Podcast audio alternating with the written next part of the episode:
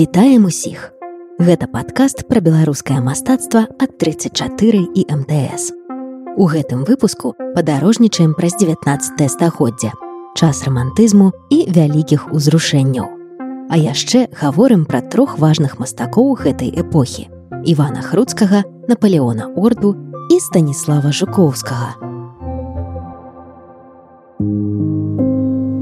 Што важна ведаць пра 19 стагоддзя?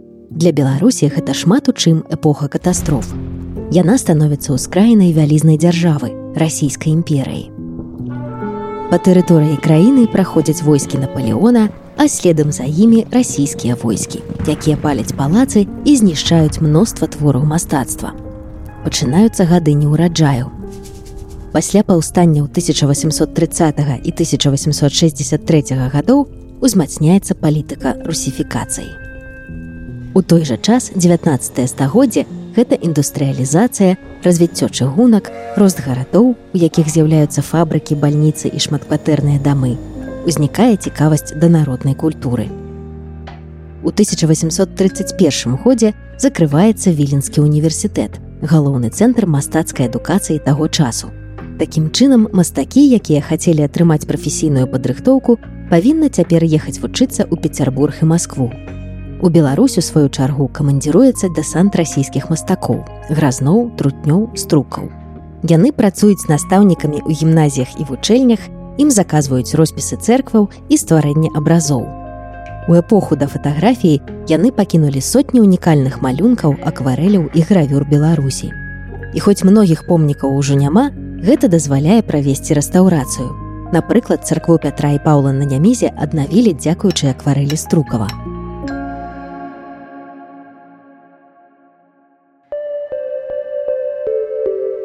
Важны мастацкі кірунак у 19 стагоддзі рамантызм. Вядома, гэта не толькі стылю жывапісе музыцы і літаратуры, але і асаблівы спосаб глядзець на свет. Рамантызм сыходзіць ад рацыяналізму і культу ведаў эпохі асветы. Рамантыкі захапляюцца моцнай асобай. Для іх важная эмацыйнасць, фантазія, інтуіцыя. Рамантыкі часта шукаюць ідэал у мінулым, Менавіта ў гэтую эпоху з'яўляецца вострая цікавасць да фальклору і гераічнага мінулага свайго народа. А навукоўцы збіраюць археалагічны і этнаграфічны матэрыял. Нарэшце змяняецца ўспрыманне прыроды. Мора з яго бурамі, велічныя горы, густыя лясы, усё гэта сімвалізуе і свабоду і вышэйшыя містычныя сілы непадуладныя чалавеку. Натуральна, самымі папулярнымі жанрамі становяцца партрэт, гістарычная карціна і пейзаж тыповая рамантычная праца той эпохі карціна Мецкевіч на скале аюдах. Яе ў 1828 годзе стварыў мастак Валенцій Ваньковіч, натхніўшыся санетам Мецкевіча пра крымскую прыроду. Тут ёсць і яркі герою задуменнай паставе і набег навальнічных хмар і нават ліра як сімвал антычнага алімпу. Знаходзіцца гэтая карціна ў нацыянальным музеі варшавы. Сам Ваньковіч таксама пражыў жыццё рамантычнага героя, сябраваў з галоўнымі паэтамі сваёй эпохі, захапляўся наполеонам, з'ехаў у парыж і памёр ад сухотаў на руках у міцкевіча. Наступны мастак, якога нельга не згадаць, кажучы пра эпоху рамантызму ў Беларусі, гэта Іван Хруцкі. Ты дакладна ведаеш як мінімум адну яго працу. Фрагмент карціны партрэт жонкі з кветкамі і садавіной калісьці ўпрыхожваў купюру ў тысячу рублёў. Ён сапраўды вядомы ў першую чаргу сваімі нацюрмортамі, якія сталі класікай беларускага і еўрапейскага мастацтва. Вучыўся хруцкі ў полацкай езуіцкай акадэміі і акадэміі мастацтваў у санкт-пецярбургу. Там ён ужо ў 29 гадоў атрымаў званне акадэміка. Гэты факт мог бы нас дэматываваць, але мы проста захопімся суайчыннікам. А пасля смерці свайго бацькі ў 1840 годзе хруцкі назаўсёды з'язджае са сталічнага моднага шумнага піцера і вяртаецца ў ціхую радавую сядзібу захарнічы. І піша не толькі нацюрморты, але і незвычайныя партрэты. Вось што пра іх распавядае мастацтвазнаўца Сергей Харэўскі. Хруцкі такой самы вялікі майстар нацюрморта, но я бы звярнуў увагі на ягоныя партреты. Справа тым, што ён быў унят, панарадзіў бацька быў грэка-каталіцкі святар і ён ведаў усіх гэтых святароў грэка-каталіцкай царквы якія перайшлі православе і напрыклад егоны портрет Иосифа Семашки, того, которого лечили здравником Святой Церкви, и портрет Лисовского, споведника Семашки. Там молится такие монах. Это два портрета. Ну, например, есть многие іншие, там, Голубовича, Терминского архиепископа. По-іншому воспринимаешь это картинки на рублях. Это сапраўды великий живопис и тонкий психолог. У нацыянальным мастацкім музеі ты можаш убачыць і знакамітыя светлыя лёгкія нацюрморты, на якіх блішчаць свечкі і дрыжаць крылы матылькоў і выразныя партрэты людзей, чые лёсы трапілі ў жорны складанага стагоддзя.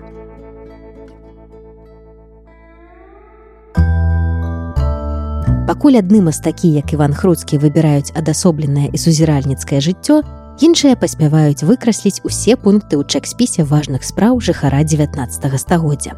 Удзел у паўстанні эміграцыя падарожжы. Наш наступны герой Наполеон Орда. Ён прыходзіць у свет у 1807 годзе ў мястэчку варацэвічы недалёка ад пінска. І, мабыць, атрымлівае такое незвычайнае імя, дзякуючы таму, што слава французскага Наполеона ў гэты час грыміць па ўсёй Еўропе прозвішча таксама не самае звыклае. Яго бацька быў выхадцам з татарскага роду. Наполеон Орда яшчэ паспявае павучыцца ў віленскім універсітэце да таго, як яго закрываюць, але дыплом не атрымлівае. Разам з адамам Мецкевічам, ігнатам дамейкам і янам чачотам яго арыштоўваюць і выключаюць з навучальнай установы за ўдзел у таемным студэнцкім таварыстве. Больш за год ён праводзіць у віленскай турме, але вальналюбных думак не пакідае. І пазней, апынуўшыся на волі, прымае ўдзел у паўстанні 1830-31 гадоў. За гэта яго абвяшчаюць мяцежнікам другога разраду, канфіскуюць радавы маёнтак варацэвічы і збіраюцца саслаць у Сібір. Орду даводзіцца бегчы ў Еўропу пад выдуманым імем. Ён два гады падарожнічае перш чым асесці ў парыжы. Зноў перад намі вобраз сапраўднага рамантычнага героя сваёй эпохі. Цяга да ўсяго новага, мяцежны дух, запал да вандраванняў, любоў да гісторыі. У парыжы Наполеон Орда сябруе за дамам Мецкевічам і фрэдэрыкам Шапенам. Тут трэба сказаць, што Орда бачыць сябе кампазітарам, а не мастаком. Ён займаецца музыкай пад кіраўніцтвам Шапена, грае на паэтычных вечарынах, дзе выступае Мецкевіч, піша паланезы, мазуркі і вальсы, прысвячае сябрам свае творы.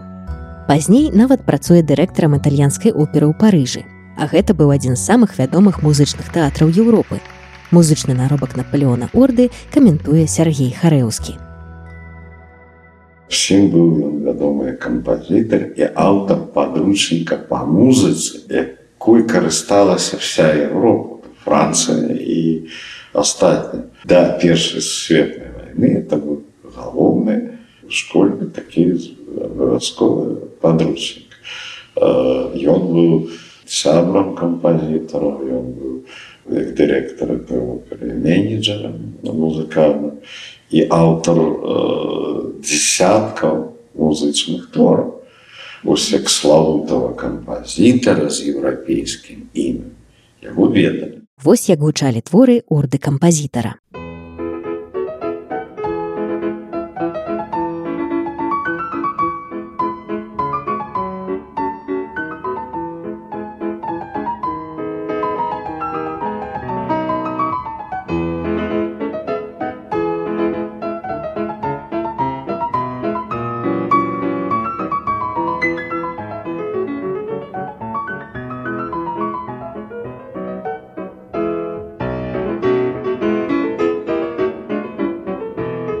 Паралельна з музыкай орда займаецца ў майстэрні мясцовага мастака, захапляецца архітэктурнымі краявідамі.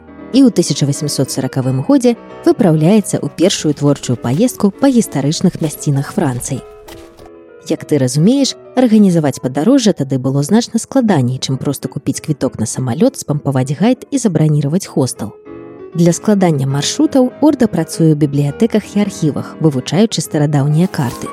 Ён загадзя наймае каня з невялікай брычкай, у якой ёсць закрыты верх на выпадак кепскага надвор'я.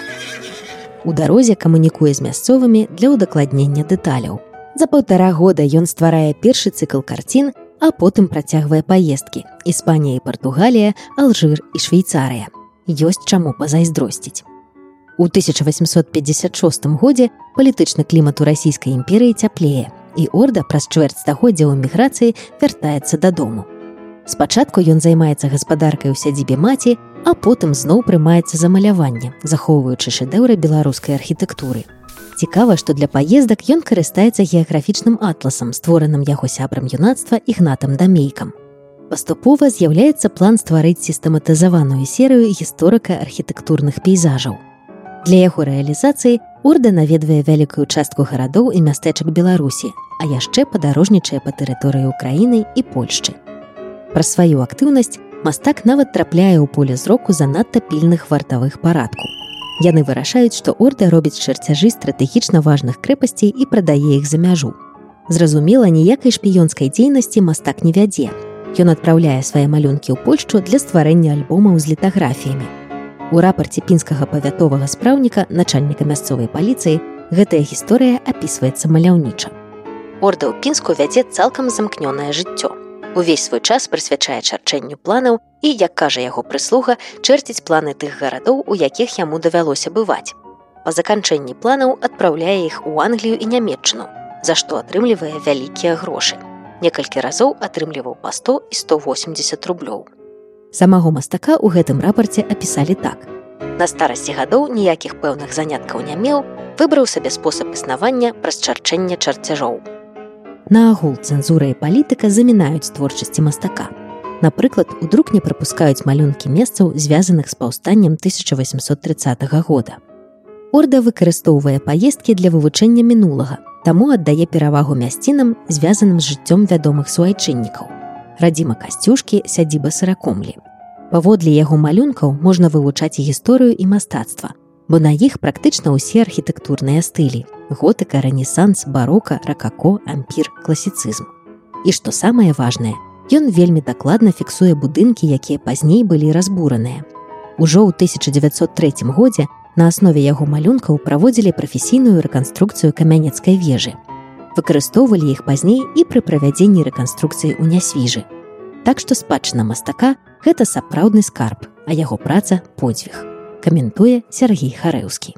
В этом жанре архітэктурного краявіда самым вялікім мастаком в еўрапейскім маштабе стаў Наполеон порт. А ён ужо сталым веку заняўся маляваннем, хадзіў адмысловую студыі і приехал в Беларусь ну, его подвигу няма ровных. Не назовешь ни такого, ни английского, ни шведского там мостака, который вот от края до края прошел не на машине проехал, без мобильной сури, без зубной пасты и ланч-пакетов.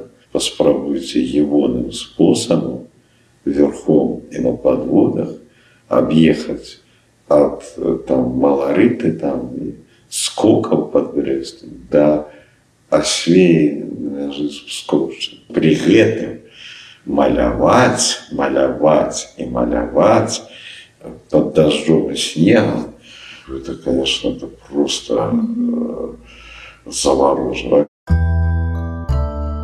насычаным маршрутам мастака нават цяпер можна пазайздросціць іх вынікам становіцца манументальны альбом літаграфіі. На вокладцы радавое гняздо варацэвічы з надпісам. Уласнасць роду ордаў на працягу 300 гадоў да 1831 года. Незабыўная і дарагая для аўтара радзіма. Усяго ён стварыў больш за тысячу малюнкаў. Мастакоў такога маштабу ў жанры архітэктурнага пейзажу, здаецца, проста не было нідзе ў свеце. Сядзіба ў варацэвічах, на жаль, не захавалася, але ў мястэчку цяпер працуе музей Наполеона орды можна паглядзець на выданне яго кніг і копіі малюнкаў.